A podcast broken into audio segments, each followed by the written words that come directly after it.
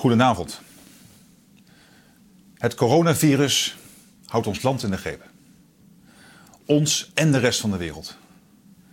Samen staan we voor een opgave van enorme omvang. Veel mensen zullen het gevoel herkennen dat we de laatste weken in een nachtbaan zitten die steeds sneller lijkt te gaan rijden. Je vraagt je af, gebeurt dit echt? Want de maatregelen die hier en elders worden getroffen zijn ongekend voor landen in vredestijd. Ik wil aan het begin van deze toespraak mijn medeleven uitspreken met de families van de mensen die inmiddels aan het virus zijn overleden. Iedereen die in het ziekenhuis ligt of thuis aan het herstellen is, wens ik veel beterschap en sterkte toe. En ik wil me richten tot de ouderen en de mensen met een zwakke gezondheid. Ik realiseer me dat u grote zorg hebt. En daarom wil ik u zeggen dat het onze absolute prioriteit is de risico's voor u zo klein mogelijk te maken. Welkom bij aflevering 2 van Corona aan de Zaan. We begonnen met uh, de woorden van premier Rutte. Gisteravond om 7 uur sprak hij het volk toe. Een historisch moment eigenlijk. Hè? Zo, uh, zoiets zie je niet snel meer. Voor het laatst is het geloof ik geweest uh, dat een premier het volk zo toesprak in de tijd van de oliecrisis. Dat is allemaal ver voor mijn tijd. Het zijn, uh, het zijn bizarre tijden, het zijn hele rare tijden. Um, daarom dat wij zijn begonnen met Corona aan de Zaan. Een dagelijks uh, soort van podcastjournaal over corona in de Zaanstreek. Op het uh, podcastkanaal van De Orkaan. Natuurlijk gaan ook bijna alle berichten op de orkaan over corona. Het is, het is echt een bizarre tijd. Sommige mensen zijn bang, sommige mensen zijn laks en nonchalant. Ik denk dat uh, we het allebei niet moeten hebben. Ik denk ook dat de boodschap van premier Rutte was eigenlijk vooral duidelijkheid. Geef duidelijkheid dat we dit gefaseerd moeten aanpakken. En uh, dat meer dan de helft van de Nederlanders waarschijnlijk corona zal krijgen. Maar als we dat gefaseerd aanpakken, gaat het misschien pas over de komende jaren. En dat we dan groepsimmuniteit of publieke immuniteit kunnen opbouwen. Dat vond ik uh, eigenlijk heel duidelijk verwoord. Um, en dat op die manier ook de zorg, het zorgsysteem het gewoon nog aan kan. En dat we zo uh, heel veel levens kunnen besparen. Hij begon ook over de ouderen, de meest kwetsbare groep natuurlijk, samen met de chronisch zieken. Gisteravond, vlak voordat Rutte sprak, had ik daarom een, uh, een gesprek dat ik heb opgenomen met Marcel Giegengak. Marcel Giegengak uh, komt uit Krommenie. En hij is specialist oudere geneeskunde in Kennemerland. Hij is al 23 jaar arts. En ook uh, arts palliatieve sedatie. Maar in het dagelijks leven dus vooral bezig met de gezondheid van ouderen. Tussen twee visites door mocht ik even met hem bellen. U bent arts, voor, voornamelijk voor de ouderen. Uh, hoe, hoe beleeft u deze dagen, deze bizarre omstandigheden, kunnen we eigenlijk wel zeggen? Uh, ja, het, is een, ja, zijn natuurlijk spannende tijden, omdat de patiëntenpopulatie die ik heb een hele kwetsbare patiëntenpopulatie is. Het zijn mensen die opgenomen zijn met vaak meerdere aandoeningen zoals een hersenbloeding, uh, hart, en vaatziekten, suikerziekte. Dus het zijn mensen die extra kwetsbaar zijn. Het zijn de mensen die als zij corona krijgen uh, er extra onder te lijden hebben. Uh, dat betekent dat in de huizen waar ik werk we extra alert zijn om ja, in eerste instantie het coronavirus buiten te houden, buiten de huizen. En ehm, ja, wij, wij eh, volgen daarbij uh, de landelijke ontwikkelingen. Ja, net zoals in de politiek uh, passen wij bijna dagelijks onze, onze acties aan.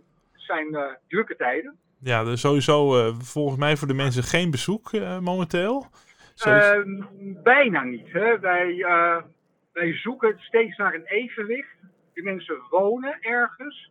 Ja. En omdat ze niet weten hoe lang deze crisis duren gaat, uh, kun je het bijna niet maken om te zeggen van, uh, dat iemand voor onbepaalde tijd niemand meer kan ontvangen.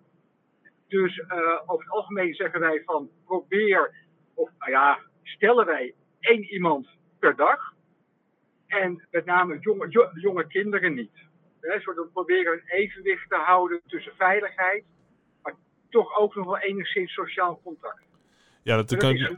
Dat kan ik me heel goed, eh, heel goed voorstellen. Hoe druk zijn uw dagen? Bent u van 's morgens vroeg tot 's avonds laat aan het rondrijden en mensen aan het spreken? Nou ja, als dokter heb ik het nu nog re- rela- relatief rustig, omdat er geen corona is. Hè? Eh, dus Ja. daar heb ik dan nog niet zoveel werk aan.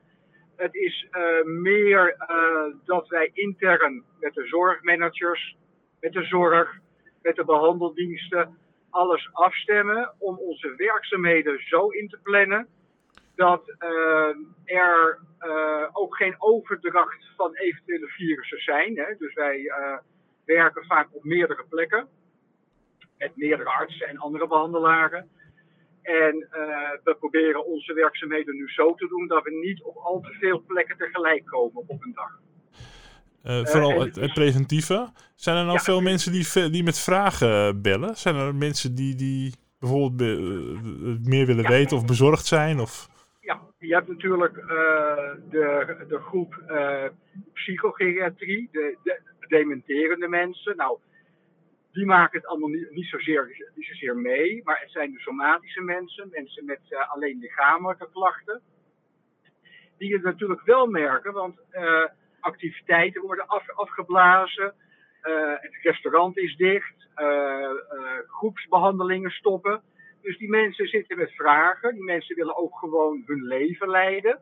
Hè? En eh activiteit van hun leven.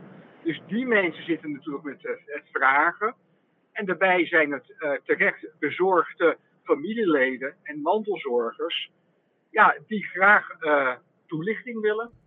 Eh, het is nu dus eh, vooral preventief. Eh, wa- wat, Ja. wat verwacht u van de komende weken? De- want, want vaak is er een incubatietijd. Ja. Ze verwachten Ja. een grote klap voor Nederland, verwachten ze nog. Wat is Ja. uw verwachting? Nou ja, ontegenzeggelijk is natuurlijk dat het coronavirus zich, uit, zich uitbreidt, hè, de epidemie. En waar wij natuurlijk in Nederland op gericht zijn, is om het over de tijd uit te, uit te spreiden, zodat we geen eh, piekbelasting van de ziekenhuizen krijgen.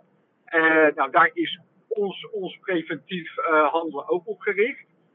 Ehm, wat, waar, waar, ik voor, waar ik voor vrees, dat natuurlijk in een huis waar vele ti- ti- tientallen tot soms wel een paar honderd kwetsbare mensen wonen, dat daar het coronavirus opduikt. Eh, waardoor er eh, veel drastische maatregelen genomen zullen moeten gaan worden om eh, uitbreiding van het virus binnen zo'n huis tegen te gaan. Ja. Hè? En dat betekent dat je bewoners, hè, wij praten over bewoners, niet over patiënten, moet gaan isoleren op hun kamer. Dat ze helemaal geen contacten meer mogen hebben, denk ik. Hè, dus dan, dan zullen de, de maatregelen veel drastischer worden en een veel grotere impact hebben op het dagelijks leven. Ja, En dat, daarvoor, daarvoor vrees ik.